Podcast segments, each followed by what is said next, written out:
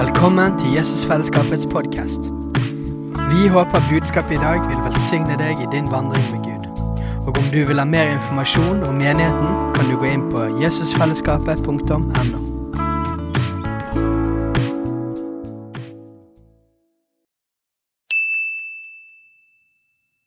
Hei! Visste du at Jesusfellesskapet starter en ny bibelskole til høsten? Den heter Jesusskolen og starter den 3. september. Gå inn på jesusskolen.no for mer informasjon.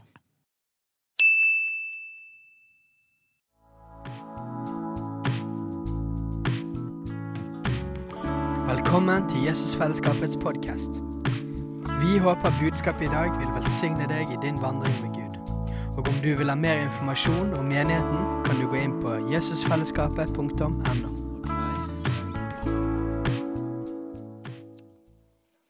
Skal vi be litt? Grann?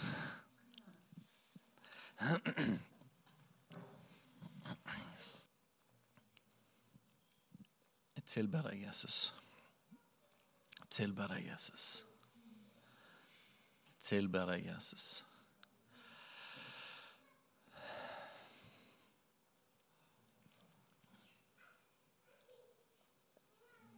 Takk at du har gitt oss en åpen himmel. Takk for ditt nærvær, Herre. Takk for din godhet. Vi løfter øynene våre opp til deg. Vi ser på deg, her. Vi tilber deg, Jesus. Vi tilber deg, Jesus.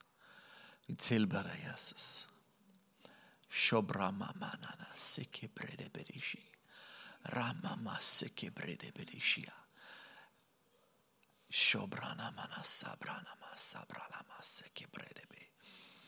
Vi tilber deg, Jesus. Vi tilber deg, Jesus.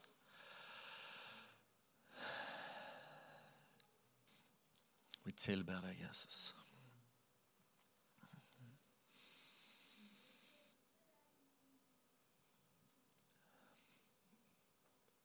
Takk for ditt nærvær.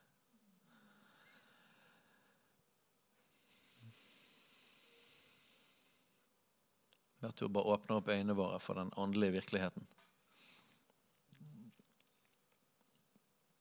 Takk for dine engler midt iblant oss. Takk for at du er her. Takk for at vi ikke bare snakker om deg, men du er her. Vi tilber deg, Jesus.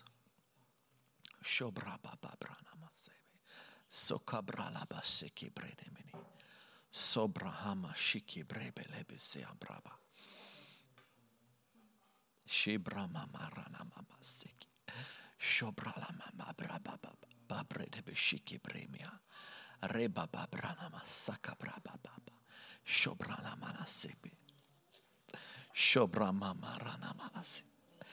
Vet dere at en utrolig stor del av livet med Gud handler om hva man ser på?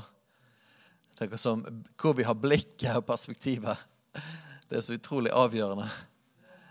Og, og det er ikke bare en, sånn her, en, en, fin teori, men det er noe som jeg har behov for å praktisere hele tiden. Og um, basically, Dette er veldig kort. Det fins mange andre, andre, sider av Guds rike og andre sannheter. Men uh, akkurat for å understreke et poeng akkurat nå, så er det sånn at uh, nøkkelen til å ha et godt liv er å se på Jesus. Nøkkelen til å ha et dårlig liv er å se på alle andre omstendigheter. Det fins andre, andre, andre liksom, sider av sannheten, men, men, dette er så virkelig. Det er så hverdagslig. Og hver eneste gang vi ser på negative ting, så er det det som preger oss. ikke? Det er det som preger tankene våre, det som preger følelsene våre. Og så er det helt utrolig at uh, Vi siterer jo ofte Bill Johnson, men han uh, har mye gullkorn. Bekymring, for eksempel, er jo basically tro på djevelen. Sant? Halleluja. Så når vi ser på negative omstendigheter, vi ser på det som ikke går an, vi ser på det vi ikke får til, vi ser på vår egen tilkortkommenhet, vi ser på alt mulig negativt Det som skjer da, er at vi åpner opp døren for at djevelen kan eh, herje med oss. Ikke det? Herje med tankelivet vårt, herje med følelseslivet vårt. Og så gir vi djevelen rom. Bibelen sier 'gi ikke djevelen rom'. Men når vi løfter blikket på han, når vi går inn i takknemlighet, når vi tilber Hva er det som skjer da? Vi blir fylt av det han er. Så når vi ser på han Dere vet hva jeg mener når vi snakker om å se på. sant? Det er, vår, det er vår ånd, det er vårt hjertets øyne. Det er vår oppmerksomhet blir rettet på den han er. Og Det som skjer når vi gjør det i vårt indre, så plutselig blir vi preget av den han er. Vi gjør det motsatt av å gi djevelen rom. Vi gir Gud rom. Og Det endrer perspektivet vårt, det endrer følelsene våre, det endrer tankene våre. Det er så konkret, og det er så virkelig. Og det funker i alle situasjoner. Så, så hvis, hvis, noen ganger jeg sier nå bare løfter vi blikket på Jesus, så er det som ofte fordi jeg trenger det sjøl. Så siden jeg står her, så må jeg få dere med på det. Men la oss gjøre det litt til. Takk, Jesus. For når jeg ser på deg, Jesus, så er det jo liksom i hver dag. Det er, det er alltid. Når jeg ser på deg, så er det som din verden som får plass. Og i din verden så er det alltid håp. Det er tro. Det er løsninger. Det er liv. Det er kraft. Takk, Gud. Er det noen ting i ditt liv akkurat nå som du trenger å løfte blikket vekk fra og se opp på Jesus? Jeg tipper det er hele tiden ting som, eh, som prøver det. Noen ganger er det sterkere over oss, andre ganger mindre sterkt. Men det er alltid sånn at vi trenger å løfte blikket på Jesus. ikke det? Så skal vi bare gjøre det sammen igjen. Bare, bare legg det ned. Bibelen sier 'kast deres bekymring på meg'. Så vi legger vår bekymring på Jesus. Så legger vi det ned der, liksom på søppelhaugen, og så løfter vi blikket og så ser vi opp. Og Der ser vi en som er alltid god, en som er full av kjærlighet, en som sier at ingenting er mulig for meg. Vi ser en som minner oss om at han eh, døde for oss og sto opp for oss. At han ga livet for oss, at vi har, vi har unnsluppet evig fortapelse. Det er jo en god tanke. Både søndager og tirsdager. ikke du med på det? Vi slipper evig fortapelse. Ikke bare det, vi har fått barnekår. Retten til å være barn, som Sverre Skilbreid sier. på den nye oversettelsen. Retten til å være barn. Wow! Det betyr at vi kan sitte på fanget hans. Det betyr at vi kan gå inn gjennom forhenget. Hebreerbrevet sier at han har åpnet en ny og levende vei gjennom forhenget. Det er hans skjød. Det er hans kropp når han ble naglet til korset. Så åpnet han en vei. Han sa det er fullbrakt, og så revnet forhenget. Så kan vi gå rett inn i det aller helligste. Så vi har alltid hans nerver tilgjengelig. Jeg vet ikke med dere, men Når jeg begynner å fokusere på sånne ting som det, så begynner jeg å bli glad. Og så merker jeg at de andre tingene, det slipper taket.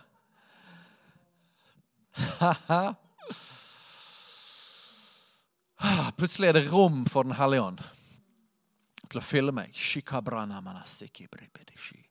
Og Dette er basically en livsstil av tro. Er ikke det? Å løfte blikket på Han.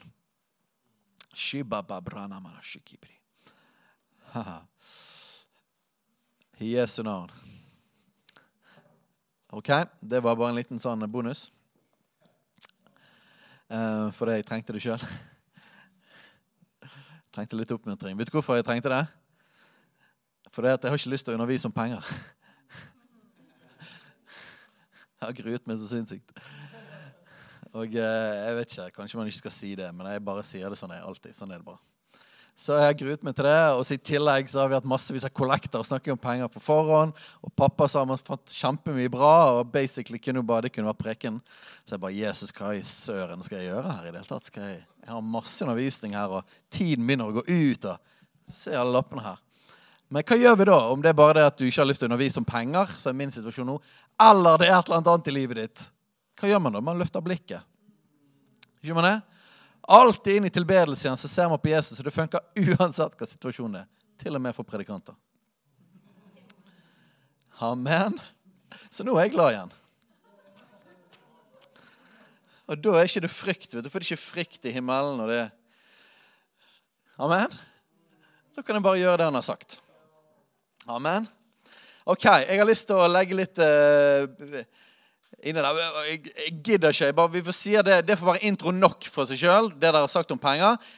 Alle hater at man snakker om penger. Jeg hater å snakke om det. Vi har elendig økonomi i menigheten, så derfor har jeg iallfall ikke lyst til å snakke om det. Men vi må snakke om det. OK? Kan vi bare legge det der? Det, er det. Halv fem. Det er for tidlig til at oppropet skal bli frelst. Ofte ringer det på telefoner klokken fem, for det, da er det folk i hele Europa som sier 'Europa skal bli frelst'. Men sånn var Europa skal bli frelst. Nei, det er halv fem. det er ikke noe. Det var, dette var noe annet som ringte akkurat nå. Europa skal bli frelst. Ok, så kan vi, kan vi, bare legge det der med alt det der greiene med at det er kjipt med penger og snakke om det, og så bare går vi rett inn i materien. For det første jeg skulle si, det var det som har med den nye pakt å gjøre. og det er jo, Vi må alltid begynne i evangeliet, vi må alltid begynne i i sentrum, for det gir mening til absolutt alt det vi snakker om i Bibelen. Så eh, det er noen vers som er, betyr utrolig mye for meg. Jeg vender stadig tilbake igjen. Det er i Esekiel, og så er det gjentatt i Hebreabrevet. Og, og, det handler om den nye pakt. Og jeg syns det er så fantastisk å forstå alle ting som, som, Gud taler om, og når vi skal forstå Når Gud utfordrer oss på noe, så må vi forstå det i rett kontekst. Vi må forstå det fra en ny testament, en ny paktvinkel. ok? For ellers blir alt feil. Og Bibelen og Nytestamentet òg, og Jesus sjøl, verdens mest kjærlige mann, var full av utfordringer. Han var utfordret noe helt enormt. Så hvordan, eh, hvordan, det, hvordan unngår vi å ikke bare havne under lovtrelldom når vi snakker om utfordrende ting i Bibelen? Jo, det handler om å sette blikket på evangeliet og hva det nye pakt er, og forstå det for rett vinkel. sant? Så Esekiel 36, fantastisk kapittel, der Esekiel profeterer om den nye pakt. Den nye pakt er altså den eh, pakt Norsk Det finnes noe som heter avtale. men det, Vi sier jo pakt òg, men pakt er jo noe mye kraftigere noe sterkere enn en avtale. Men det er liksom en veldig alvorlig avtale. Så den nye avtalen som Gud, eh, Gud ville komme, gi til menneskene Det har vært flere forskjellige pakter. Da. Abrahams pakt er forskjellig, og så har du den gamle pakt, lovpakten med Moses. Lovpakten, vet du hva den handlet om? Det var det at hvis vi alle sammen holdt loven Og det er en lang lov. Det er ikke bare de ti bud. De ti bud er bare overskriften. Det er liksom bare litt sånn her eh, introen, og så er det side opp og side ned med nøyaktige lover. Og Så konkluderer det på slutten med at hvis dere holder alle disse lovene, så skal du være frisk, og du skal være velsignet, og alt skal gå bra så er det en eh, haug med velsignelser. Og så er det hvis du ikke holder disse lovene, så skal forbannelsen komme over deg.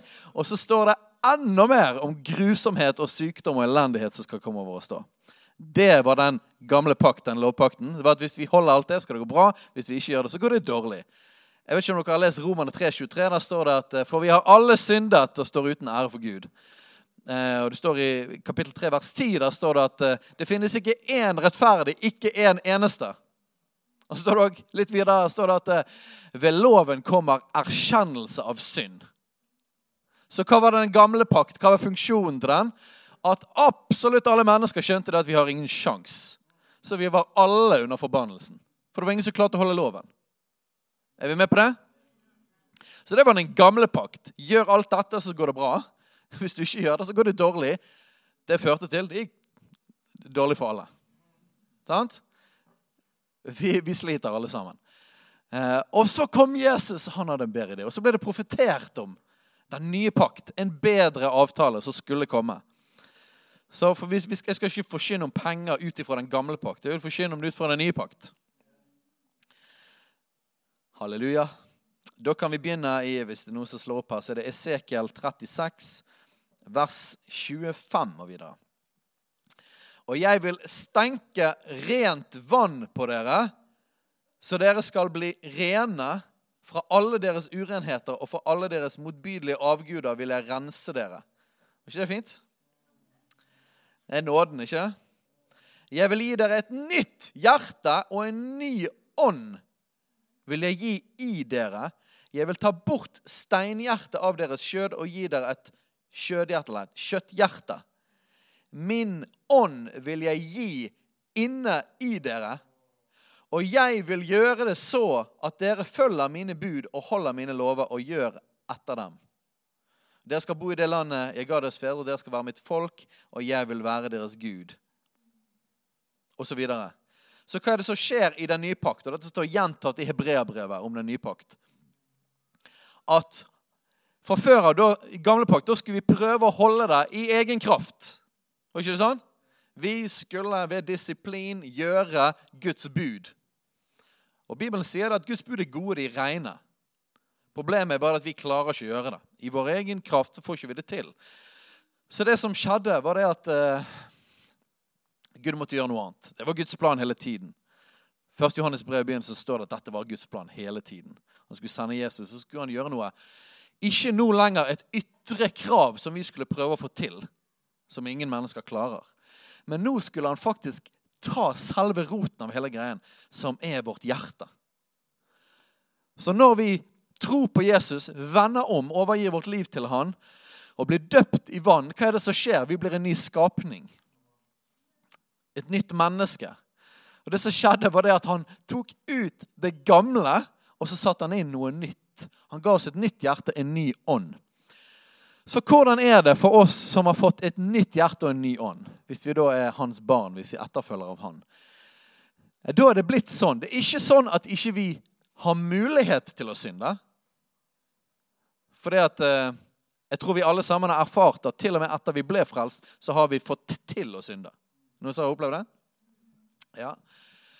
Men Vi har muligheten, men vi er ikke lenger syndens trell. Synd er ikke lenger vår drivkraft eller vår natur.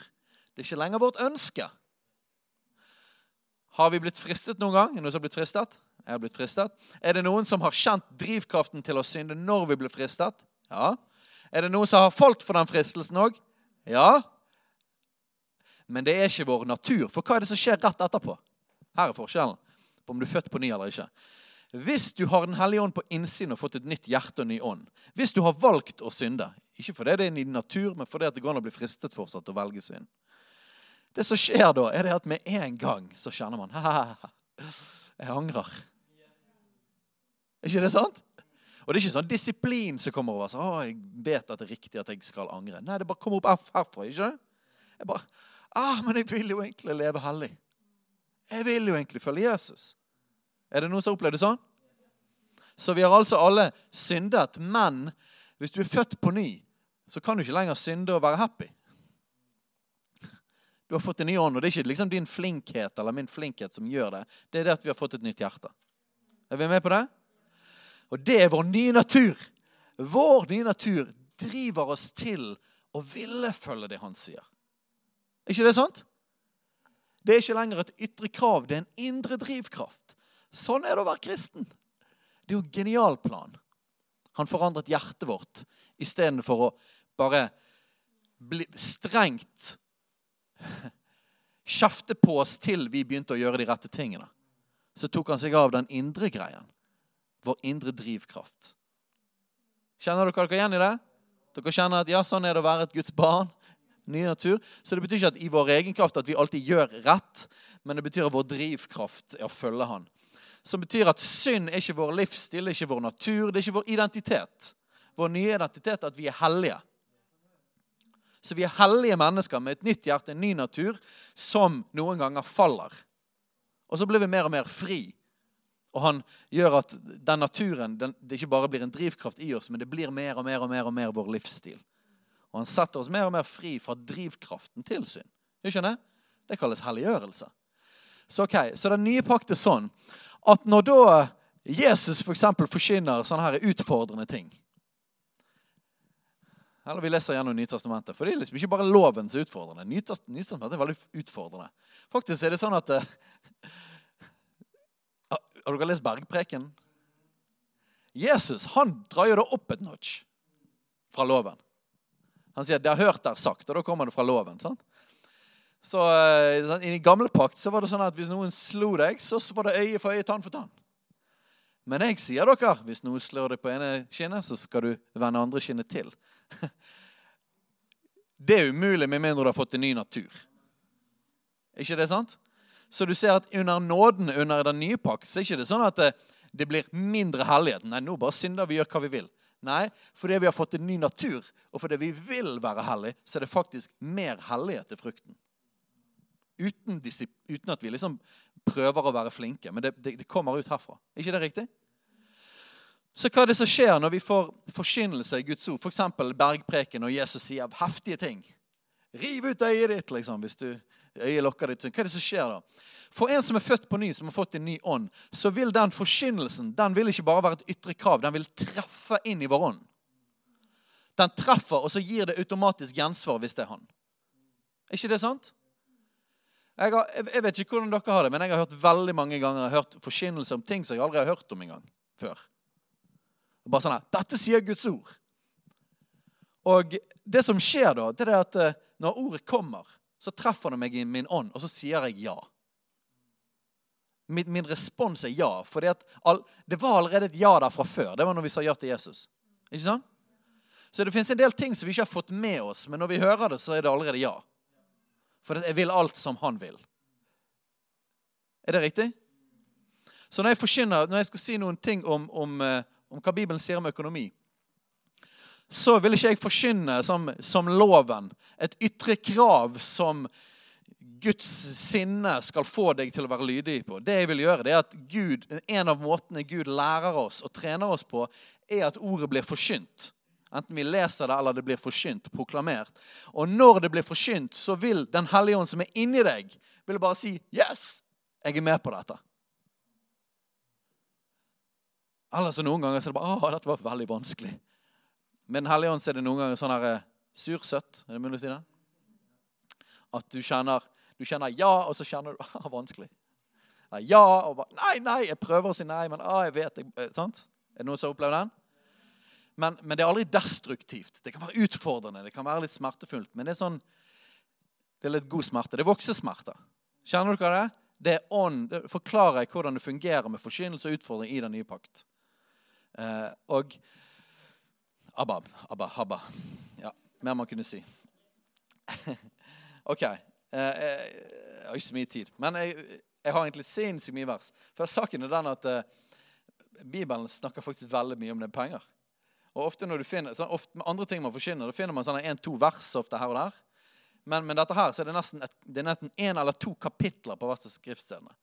Bare maser om penger. Halleluja. Og vi snakker nesten aldri om dette her. Sånn er det. Det er fordi at det er ubehagelig. Det Er fordi at, eh, er dere klar for en liten sånn eh, Er dere klar for en liten sånn uh, syrlig en? En liten sånn syrlig med glede og kjærlighet. Er dere med det? Ja? En liten sånn Altså, i verdens rikeste land så syns vi det er så ubehagelig å snakke om penger. Hæ? Verdens rikeste middelklasse. Det fins noen arabiske oljeland der de fin, sant? det fins mer penger per innbygger. Men i faktisk hva penger folk har, og levestandard, så er vi verdens rikeste land. Uhuh. Jeg skal fortelle en annen liten syrlig detalj. På 70-tallet fant de olje. sant? Og eh, det gjorde jo det at fra at Norge var et Ganske før krigen var Norge et av Europas fattigste land. Var litt bedre etter krigen med oppbygging og industri og sånn som det der. Men, eh, men, fortsatt ikke noe særlig rikt land. Men derimot var Norge et land som ga enormt mye penger inn i Guds rike. Enormt med bønn, enormt med sending av misjonærer, enormt med givertjenester. Det var vi. Og så kom oljen. Og så gikk levestandarden oppover. Og nå er det, Hvor lenge siden er det siden eh, oljen kom? Er det 40 år? Noe sånt? Ja, cirka. Og det som har skjedd, er at proporsjonalt med oppadgående velstand så har givertjenesten gått proporsjonalt nedover. Oi, oi, oi! Jeg tror det kan være noen tendenser til at det er noen ånd av mammon her ute i bildet. her. Tror dere det? Det er litt interessant at når vi får mer penger, så gir man mindre. Halleluja. Ok. Jeg håper dere har Bibel, og sånt, sånn som man hadde i gamle dager. Da slo man opp. og... Så Om det er på telefonen, så bare supert hvis dere følger med her. For jeg har lyst til at dere ser at dette er Bibelen, ikke bare mine ord. ok? Ja, Da begynner vi i andre Korinterne 9, 1-15. Og Dette er så vanskelig du, korter korte ned til en kort undervisning. fordi at uh, Egentlig så handler hele kapittel 8 og 9 handler om penger. Woohoo! Så jeg skal bare nevne bare så vidt noen ting fra kapittel 8. Og så skal vi lese litt mer i kapittel 9. Eh, og konteksten her, folkens, er at eh, apostlene i Jerusalem de sa det at dere, det går greit at dere ikke driver omskjærer disse her nye hedningene. Men husk på Jerusalem i forhold til innsamling og penger og sånne ting. Jeg vet ikke om de var fattigere i Jerusalem enn andre steder. Jeg vet ikke hvordan det var. Jeg vet i hvert fall at det kom en Profeten Agabus sa det kom en stor hungersnød, og, og, og det var en innsamling til menigheten i Jerusalem. Eh, Opptil flere ganger. Så Paulus han oppfordret alle disse menighetene rundt omkring i Hellas og Tyrkia til å samle inn penger til Jerusalem. Så det er konteksten. Men det vi er ute etter her, er litt sånne prinsipper som ligger under. Så Først så eh, snakker han om hva en annen menighet har gjort. For nå snakker han til korinterne. I kapittel 8, vers 1. Vi begynner da. Eh, brødre, nå vil vi fortelle dere om den nåde Gud har gitt menigheten i Makedonia. De har vært hardt prøvet i trengsler, men likevel er det av deres overveldende glede og deres dype fattigdom strømmet fram en rikdom på oppriktig godhet. For de gav etter evne, det kan jeg bevitne, ja, over evne, av egen drift. Ser dere noen hint der med den nye paktgreien? Egen drift. Helligånd legger noen inni her. Ja. De ba, inn, de ba, oss inntrengende om den nåde å få være med i fellesskapet i tjenesten for de hellige. Altså De ba altså Paulus og de inntrengende om å Please! Kan vi òg, som er fattige og forfulgte, få lov til å være med og gi penger, vi òg? Please! Og de gav ikke bare slik vi hadde håpet, men de gav seg selv. Først til Herren, og så til oss ved Guds vilje. Hm, interessant. Og så hopper vi litt videre. Det står litt videre om disse tingene her. Og så i kapittel 9. Det er i grunnen overflødig at jeg skriver til dere om hjelpen til de hellige. For jeg kjenner til at dere er villige. Jeg roser dere for dette hos hos makedonierne og sier Akaya har vært rede, vært klar, helt fra i fjor. Og den iver dere har vist, har tilskyndet så mange. Ja, og så sier han at eh, jeg mener, jeg sender noen folk til dere, sånn at eh, vi ikke skal bli helt til skramme. Jeg håper dere faktisk har tenkt å gi penger når vi kommer. Eh, og så står det i vers 5 um, Derfor fant jeg det nødvendig å oppfordre brødrene til å reise i forveien til dere og på forhånd, for, på forhånd få i stand den rike gaven dere før har gitt løfte om, så den skal ligge ferdig som en velsignelse og ikke som en gniergave. Ja, amen. Gniergave. Var ikke et fint ord? Men dette sier jeg. Den som sår sparsomt, skal også høste sparsomt. Og den som sår rikelig, skal høste med rik velsignelse. Enhver må gi slik som han setter seg for av i sitt hjerte, ikke med ulyst eller tvang, for Gud elsker en glad giver. Hvorfor tror dere at Gud elsker en glad giver? Fordi at Guds lengsel er at hans natur skal være i oss. Han er ikke bare ute etter handlinger i lydighet. Noe som ligger mye dypere, som virkelig gir Gud glede, er at når han ser at vi faktisk vi er begynt å bli som han. Ikke noen som sier Todd White eller noe som 'become love'. Fordi at hans store kjærlighet han gav. Hele evangeliet er hans kjærlighet som ga til oss. Og noe som jeg kommer til å snakke om mange ganger, men det er altså fire dimensjoner av kjærlighet. Han gav, og så gir vi tilbake igjen til han. Vårt liv og vår tilbedelse og vår etterfølelse. Men så kommer det en ny ting, og vi, vi elsker hverandre. Vi gir til andre. Og så kommer det at han elsket verden. Men han, han, når han møter oss, så er hans store lengsel at vi ikke bare skal bli flinkere og ikke synde. Hans lengsel er at vi skal bli som han. Er ikke det fantastisk? Så denne store, store fokuset på, på en måte, ah, Det handler liksom ikke bare om liksom å gjøre en handling, men det handler om å, at, at, du med ditt vesen og med ditt hjerte og ditt liv så har du bare skjønt hvordan han er, hvordan Guds rike fungerer, og, og blitt som han. Og han er en giver. Derfor elsker Gud en glad giver. Og det, Dette gjelder ikke bare penger, men det gjelder jo alle ting. ikke det? Hans lengsel er at det er et eller annet som vekkes opp i oss. Ah, at vi skal skjønne det at det beste livet som finnes, det å være sånn som han.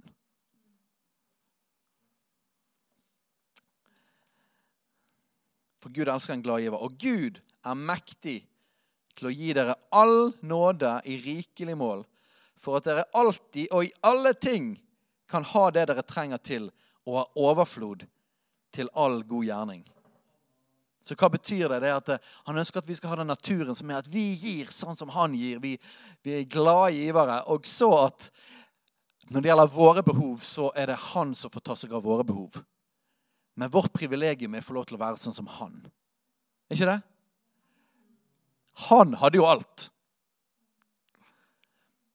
Så det er tydelig at Gud mente at det var bedre å gi enn å bare ha alt.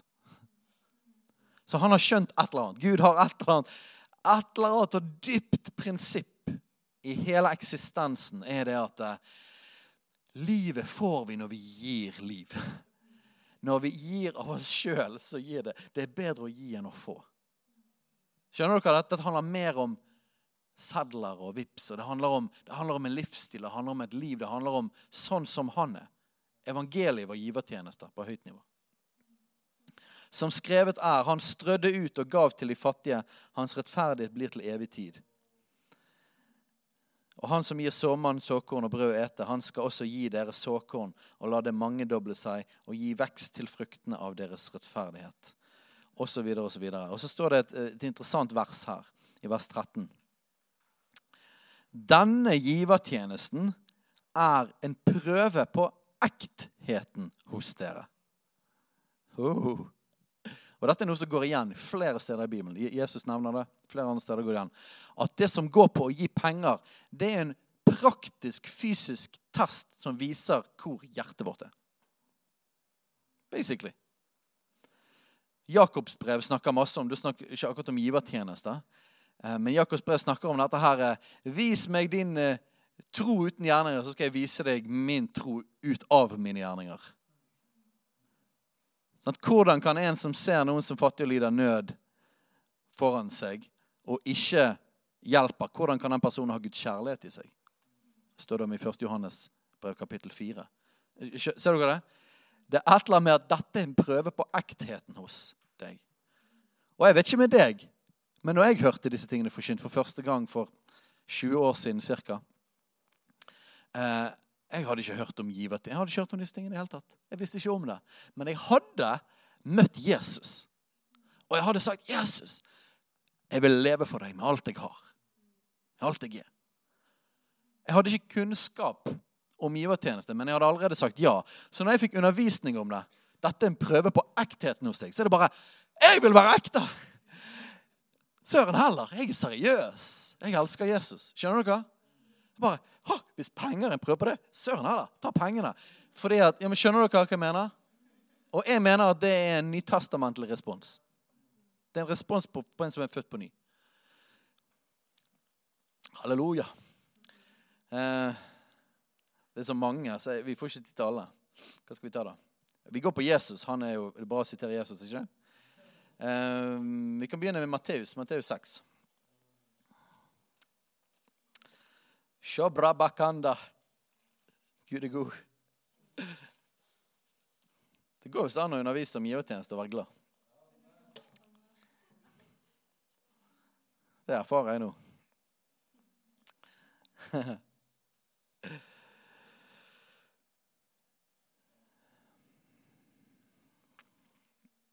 Her står det om eh, dette, Jeg kan bare si det kjapt. jeg kommer til å si det mer etterpå, men Bibelen beskriver tre måter å gi på. Tre forskjellige typer eh, pengegaver. Det ene er tiende, som handler om å gi 10 av sin inntekt som en fast greie. Jeg skal si mer om Det etterpå. Det andre kalles hellige gaver. Eh, og, og, det beskrives mer sånn som det, det som vi leste om i sted, med de ga til Jerusalem. var en sånn hellig gave. Det var en sånn ekstra gave. Eh, og så er det noe som kalles almisser. Almisser det er å gi til de fattige. Eh, og akkurat i dette, i begynnelsen her så står det om almisser som handler om å hjelpe de fattige. Så kapittel 6, vers 1. Ta dere i vare for Ta dere i vare så dere ikke gir deres almisse for øynene på folk for å bli sett av dem. Da har dere ingen lønn hos deres far, deres far i himmelen. Den, den, er jo fin. Ikke gi penger eller gi til de fattige for å få ære av mennesker. Er vi med på den? Yes. Eh, og, den er veldig viktig. Men veldig ofte med sånne vers så skjønner ikke vi hva det betyr da motsatt. Eller liksom, tar vi det poenget. Men det betyr at eh, da har dere ingen lønn hos deres far i himmelen. Men det betyr at hvis vi gir uten å få, for å få ære hos mennesker, så har vi en lønn hos vår far i himmelen. Betyr ikke det? Ja, så, så når vi gir med et rett hjerte og ikke får egen anerkjennelse, eller sånn, men vi gir med et rett, så fins det lønn. Ok? Når du gir din almisse Når du gir. Når du gir. Hva betyr det? Underforstått dette er noe vi driver med. Ikke det? Og almisser gir spesiell mening i, mot tiggere, f.eks. Eh, og det var jo et veldig tiggersystem òg i Israel på den tiden. Og jeg skal, jeg skal, ikke snakke mye om det med å gi til tiggere. Og sånne ting. Og det kan finnes grenser. Velheten, helligånd, sånn og sånn og sånn. Men jeg vil bare si som en generell ting det er ikke vårt ansvar hva tiggere bruker pengene på. Det er vårt ansvar å gi. For vi gir for å være som vår far, ikke vi det? Og hvordan er det med vår far? Han strør ut til onde og gode. Han gir uten å kreve tilbake. Han gir uten, Det er folks ansvar til hvordan de vil, hva de vil gjøre med gaven de får. Vårt ansvar er å være sånn som vår far. Så jeg vil utfordre, oppfordre til å gi til tiggere. Når du gir din almisse, skal du ikke gjøre det kjent med basun, slik hyklerne gjør i synagogene på gatene for å bli æret av mennesker. Sannelig sier dere, de har alt fått sin lønn. Så du kan velge om å få lønn gjennom at folk syns du er kul for det du gir, eller så kan du velge å få lønn av din far i himmelen. Du får lønn uansett, men du kan velge om å få lønn fra Gud eller mennesker. Men når du gir din almisse, når du gir din almisse, da la ikke din venstre hånd vite hva den høyre gjør, slik at din gave kan være i det skjulte, og din far som ser i det skjulte, skal lønne deg i det åpenbare. Hva betyr ikke la den høyre og venstre hånd Det betyr at uh, vær uh, slepphendt med det. Ikke før regnskap over det. Når du gir til fattige, når du gir til tiggere. Det er sånn at vi bare gir. For det er det Faderen gjør. Ikke det? Ok. Men det står 'når du gir'. Halleluja. Skal vi gå litt videre? Vers 19. Samle dere ikke skatter på jorden, hvor møll og rust tærer, og hvor tyver bryter inn og stjeler. Men samle dere skatter i himmelen, der verken møll eller rust tærer og tyver ikke bryter inn og stjeler. For der din skatt er, der vil også ditt hjerte være. Samle dere ikke skatter på jorden. Ok. Så betyr det at det er feil å ha penger i banken? Betyr det at det er feil å ha en bil eller et hus? Nei, for det ser vi gjennom Bibelen ellers at det ikke er feil. Ok? Men hva er da feil? Det er feil at det er vårt liv. At det materielle er vårt liv, er basically en form for avgudsdyrkelse. Det er å ha en annen herre. Og det alle sier ja, ja, det er fint. Ja, vi har ikke penger som herre. Ok, Men hva, hva tror dere er nummer én herre i Norge? Jeg tror helt definitivt at samla oss skatter på jorden er nummer én ting for en gjennomsnittsmenneske sikkert store deler av verden, men vi, iallfall i Norge. Ikke det? Det er Grunnen til vi tar utdanning, er for at vi skal få en viss lønn. Grunnen til at ditt, altså det, Alt handler om målet. Klassiske klisjémålet i Norge er jo en enebolig, to biler, gjerne en båt, en hytteplane og penger til å dra til Syden. Ikke det? Det er jo derfor vi jobber. ikke Det er jo tankemåten. Basically, akkurat dette her er grunnen til at 98% av Norges befolkning kommer til å gå evig fortapt per nå. Jeg vet ikke om du hørte hva jeg sa. Det er det. For det var ikke sånn før oljen. Så etter pengene kom, så har det woohoo, gått rett nedover. Fordi at vi har fått en ny gud. Han kalles mammon. Og det er det folk lever sitt liv etter. Så tingene i seg sjøl er ikke gale. De kan være til glede. Gud har gitt oss hele skaperverket til å nyte. Skjønner? Men å leve for tingene er synd. Ikke det? Det er avgudsdyrkelse. Det er å ha en annen herre. Samle dere skatter i himmelen. Hva betyr det? da? Det betyr at vi gir av vårt, våre ressurser, våre penger, men òg vårt liv, vår tid, vårt fokus, gir vi inn imot det som har en evighetsverdi. Nå skal Europa bli frelst. Europa skal bli frelst. Det betyr at det vi investerer av oss sjøl inn i, og det vi har, penger òg, det er det som kommer til å bety noe for oss. Ikke sant? Det er, det, er det, det er det vi får eierforhold til. Og jeg håper at det vi har eierforhold til, er resultatet av vårt liv her på jorden, og det vi vil få i himmelen av det. Vi er alle frelst av nåde. Men det som er fantastisk, det er at vi kan få frukt i himmelen. Vi kan få lønn i himmelen basert på valgene vi tar her på jorden. Jeg ønsker at det skal være millioner av mennesker. Jeg ønsker at det skal være den prosentstatistikken jeg sa i sted, ikke skal være prosentstatistikken når jeg dør. Det er virkelig verdier. Er ikke det? Det er ingen som ligger på dødsleiet og sier ah, jeg kunne ønske jeg hadde mer penger. Det er alltid mye dypere ting enn det. Om de ikke skjønner det at de, at de trengte Jesus, så vil de iallfall si sånne ting som jeg kunne ønske jeg hadde brukt mer tid på familien. Kunne, skjønner du? Der snakker vi ordentlige verdier. Så der, hjert, der din skatt er, vil ditt hjerte være. Din skatt er altså dine ressurser. Der du plasserer dine ressurser, der vil ditt hjerte være. Der du plasserer pengene dine, vil ditt hjerte være. Hva bruker du pengene på? Bruker vi litt på oss sjøl? Absolutt. Men vil ikke vi heller investere inn i det som har evighetsverdi? Vi vil investere inn i Guds rike. For der de skatt er, vil ditt hjerte være. Det står det noe om øye og legemets lys og alt mulig. Det står det i vers 24. Ingen kan tjene to herrer. For enten vil han hate den ene og elske den andre, eller så vil han holde seg til den ene og forakte den andre. Dere kan ikke tjene både Gud og mammon. Derfor sier dere, vær ikke bekymret for livet, hva dere skal ete, hva dere skal drikke, hva dere uh, heller får legeme, hva dere skal kle dere med. Er ikke livet mer enn maten og legemet mer enn klærne? Se på fuglene under himmelen. De sår ikke, de høster ikke, samler ikke hus, men deres far i himmelen gir dem føde. Er ikke dere langt mer verdt enn de? Hvem av dere kan med all sin bekymring legge en eneste alen halvmeter eller noe sånt til sin livslengde. Og så videre. Så står det litt nedover, vers 31. Vær derfor ikke bekymret og si hva skal vi ete, eller hva skal vi drikke, eller hva skal vi kle oss med? For alt slikt søker hedningene etter. Uh.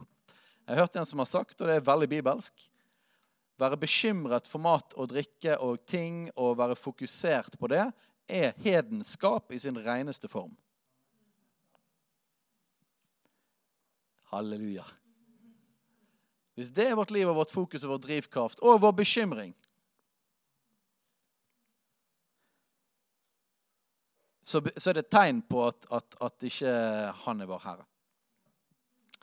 Men jeg har gode nyheter. Det går an å omvende seg i dag. Og han er full av nåde. Så hvis du kjenner det stikker på noen punkter, så er det, det er veldig enkelt. Det er bare legg deg flat. Gud står de stolte imot, men de ydmyke gir han nåde. For alt slikt søker hedningen etter, men deres himmelske far vet at dere trenger alt dette. Vær da ikke bekymret. Nei, først en annen. Han vet at dere trenger dette. Søk da først Guds rike og hans rettferdighet, så skal dere få alt dette andre i tillegg.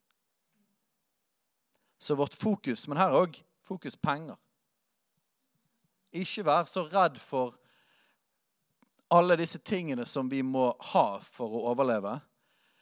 Søk først Han. Men det betyr òg prioriter pengene på Guds rike. For der din skatt er, der vil ditt hjerte være. ikke det sant? Halleluja. ikke det oppmuntrende å snakke om penger? Jeg syns det var veldig oppmuntrende. Jeg er overrasket. Shabrahamadashingi. Hva skal vi ta nå, da? Klokken er over fem. Så jeg får jo Nei, ikke, ikke akkurat nå. Beklager. Vi kan ta det etterpå. Eh, for nå er det dårlig tid.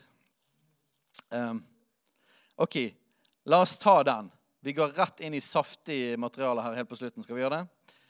Og så eh, kan jeg oppmuntre dere med at så kort som jeg kom på dette, så ser det ut til det blir en ny undervisning om dette. Amen. Beautiful. Um, Malakias. Skal vi lese det? Jeg har ikke tid til det nå, men, men jeg, jeg får undervise mer om det senere. Tiende. Noen lurer på tiende, er dette bare en gammeltestamentlig praksis, eller er det er noe vi skal drive med i Det nye testamentet?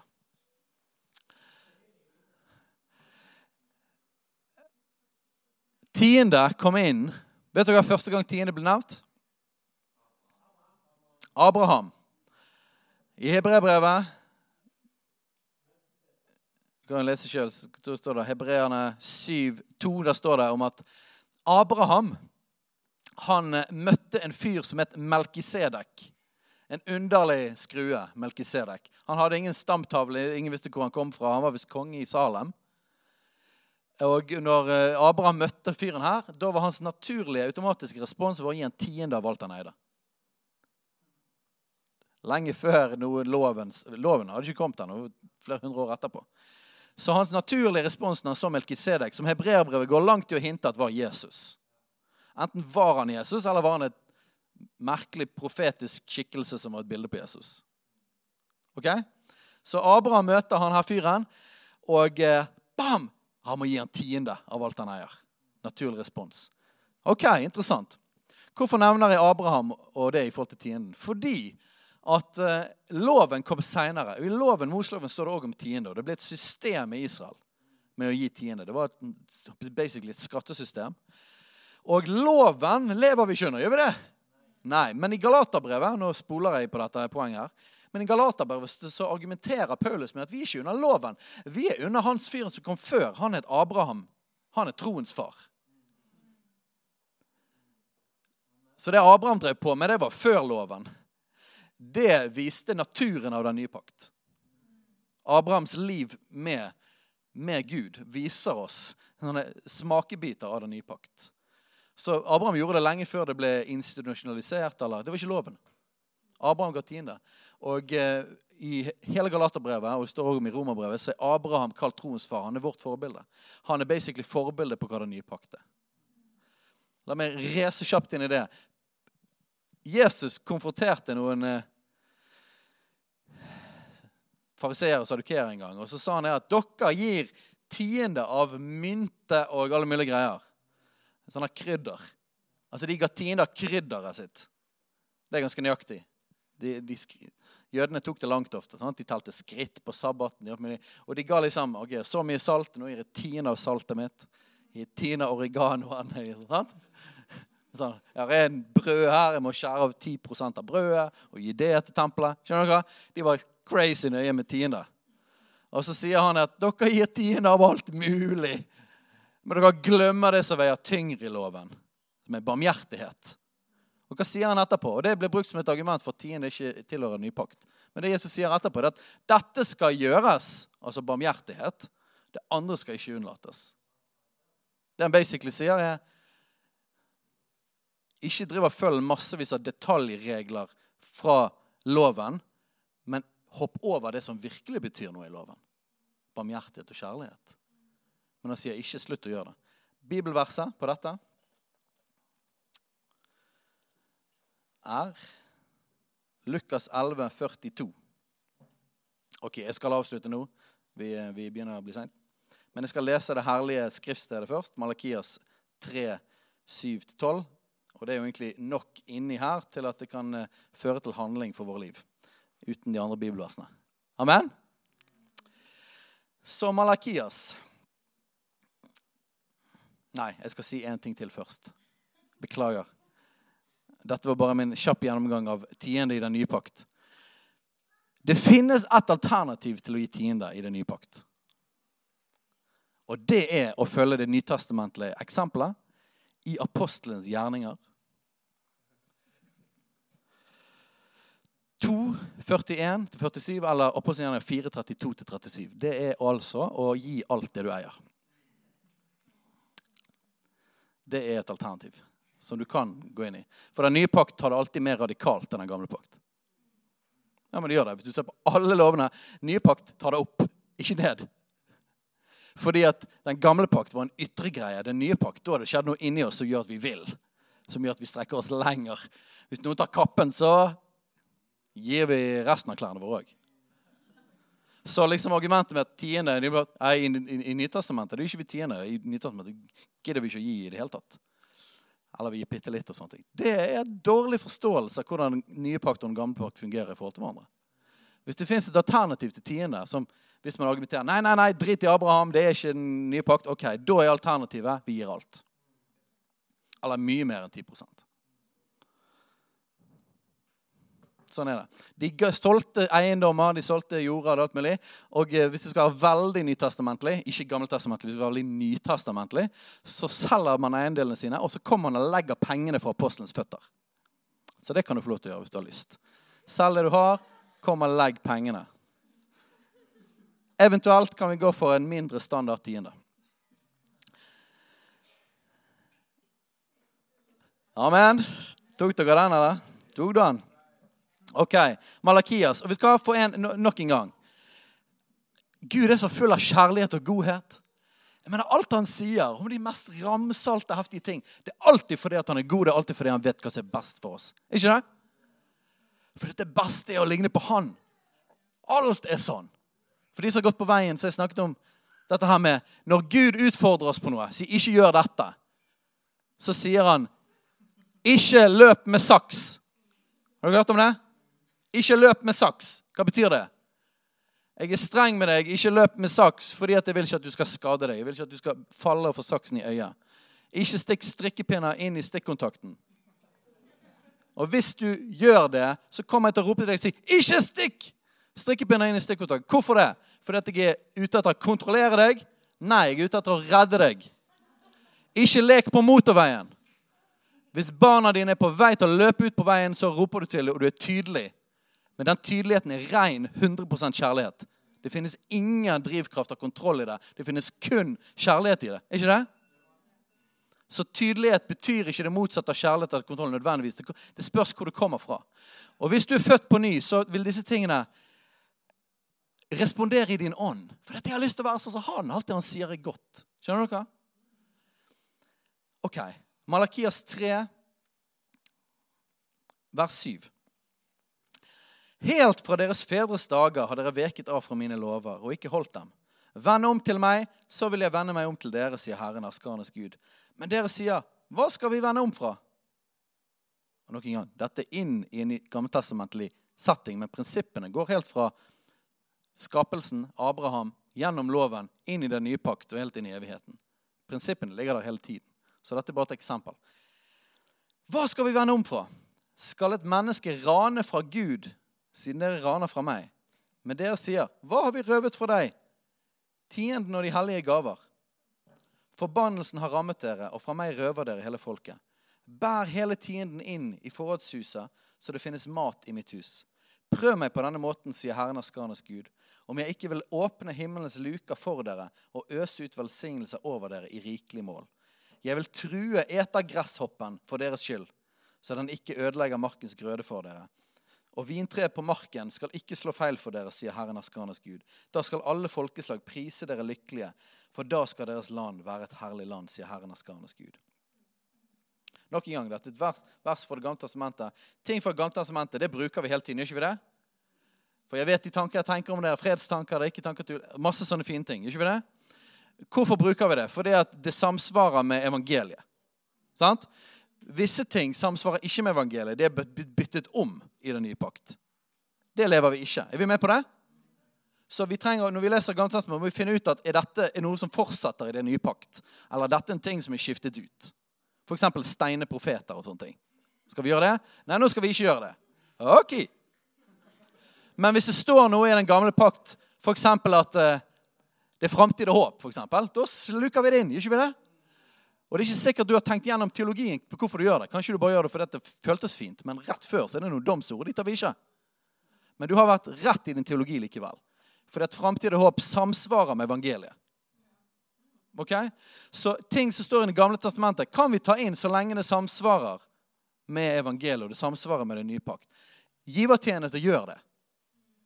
Og Jeg har ikke vært gjennom de fleste av, av versene som handler om penger. Men Det nye testamentet går lenger i radikalitet i forhold til givertjenester enn den gamle, gamle pakt. Om du ikke tror på tiende, gi mer, da. Jeg mener, Ingen hindrer deg. Si det at 'jeg tror ikke på tiende', men gi mer. Hvis ikke, så avslører det hjertet ditt. Jeg mener, Sånn er det bare. Den, den går ikke an å løpe fra. Det avslører hjertet ditt. Det handler ikke om teologi. Ok, Jeg har ikke tid til å snakke om argumentene for hvorfor, hva og hvordan. Det er masse kapitler om står hvorfor gir vi òg inn til menigheten i forhold til alle andre steder. Vi får ta det seinere. Men enkelt og greit hellige gaver fyr på overalt. OK? Du kan gi til folk som trenger penger, Facebook-aksjoner, eh, misjonærer, eh, alt mulig. Fyr på. For det mener, jo mer vi gir, jo bedre. Ikke det? Alle misser, så fattige, tiggere. Fyr på. Ikke la høyre og venstre hånd vite hva. Tienden er til at det skal være mat i hans hus. Tempelet er den nypakte menigheten. Og det står ett og et halvt kapittel som vi ikke har lest nå, der Paulus argumenterer på hvorfor han hadde rett til å få lønn for det arbeidet han gjorde. Tiende er for at, å holde menigheten i gang. Og eh, vi kommer ikke til å tvinge noen til å gi tiende til Gjestfellesskapet. Det kommer vi aldri til å gjøre. Men vi kommer til å forkynne Guds ord, sånn som på absolutt alle andre områder. Og Dette er et område, og da forkynner vi sannheten på det. Eh, jeg håper at du som en, en, som elsker Jesus, når du hører jeg snakke om det Hvis du ikke visste om det, så håper jeg at din respons vil være Selvfølgelig vil jeg gjøre det Guds ord sier. Og på dette området vil jeg råde deg Hvis du ikke er helt trygg på teologien rundt tiende og nye gamle pakt, og sånne ting, så, så legg deg på 11 da. Men noe mindre enn det reflekterer ikke den nye pakt. Det fins ingen teolog på jorden som kan overbevise meg om det. Det strider imot selve evangeliet. Han mener det. Hvis du har gitt deg til Hvis du, hvis du ønsker at Jesus skal, være din familie, din menighet og Jeg får snakke om det en annen gang, men, men eh, vi driver ikke dette for penger. Min og Katrine sin lønn, vi har 150% er mindre enn det vi trenger til opphold hver måned. Vi lever på mirakler og gaver hver måned. Vi har ikke råd til det. Vi har langt langt under gjennomsnittsinntekt. Og sannsynligvis er en av de menighetene med dårligst økonomi. Vi gjør ikke dette for penger. Men i menigheten her, og dette er en tid av å gjenoppbygge murene De tingene som har blitt revet ned. Og en av de tingene som har blitt revet ned i den utfordrende prosessen vi har vært i, har vært givertjeneste. Veldig mange har sluttet å gi. Eh, og det gjør at vi sliter maks økonomisk. Men i dag er en mulighet til å vende om. Eh, ikke fordi jeg sier det, men fordi Guds ord og fordi Den hellige ånd overbeviser om det. Vi kommer ikke til å kontrollere hvem og hvordan. Men hvis du, hvis du, tenker ok, dette har ikke jeg gjort Det har ingenting å si hvor mye man tjener. Jeg, jeg levde dette lenge før jeg, jeg fikk noe lønn på noe som helst. Lenge, lenge før. Første gang jeg hørte det undervis, så tenkte jeg ok, dette må jeg gjøre. Fordi at jeg vil leve radikalt for Jesus. Så, så jeg vil sterkt oppfordre deg, hvis du tilhører denne menigheten Begynn å sette av månedlig i nettbanken og gi inn til menigheten. Det handler ikke om meg og Katrine eller å betale for lokaler. Det handler om å leve etter Guds ords prinsipper. Det handler om å vie til Han. Tiende er et profetisk tegn. Det er en praktisk profetisk tegn på at alt tilhører Han. De ti prosentene er bare en sånn her symbolsk sum men livet vårt tilhører han, og pengene gjør det. Amen? OK, da reiser vi oss opp. Hei, alle sammen. Det er Katrine og Steinar Lofnes her. Vi er hovedledere for Jesusfellesskapet. Så kjekt du har lyttet til denne podkasten. Har du forresten hørt noen av de andre podkastene våre? Ukens tale, Disippelskolen, Hyrdepodden, Kulturkrigen og Mammas hjerte. Du finner disse podkastene på Spotify, Apple Podkaster og på nettsiden vår jesusfellesskapet.no.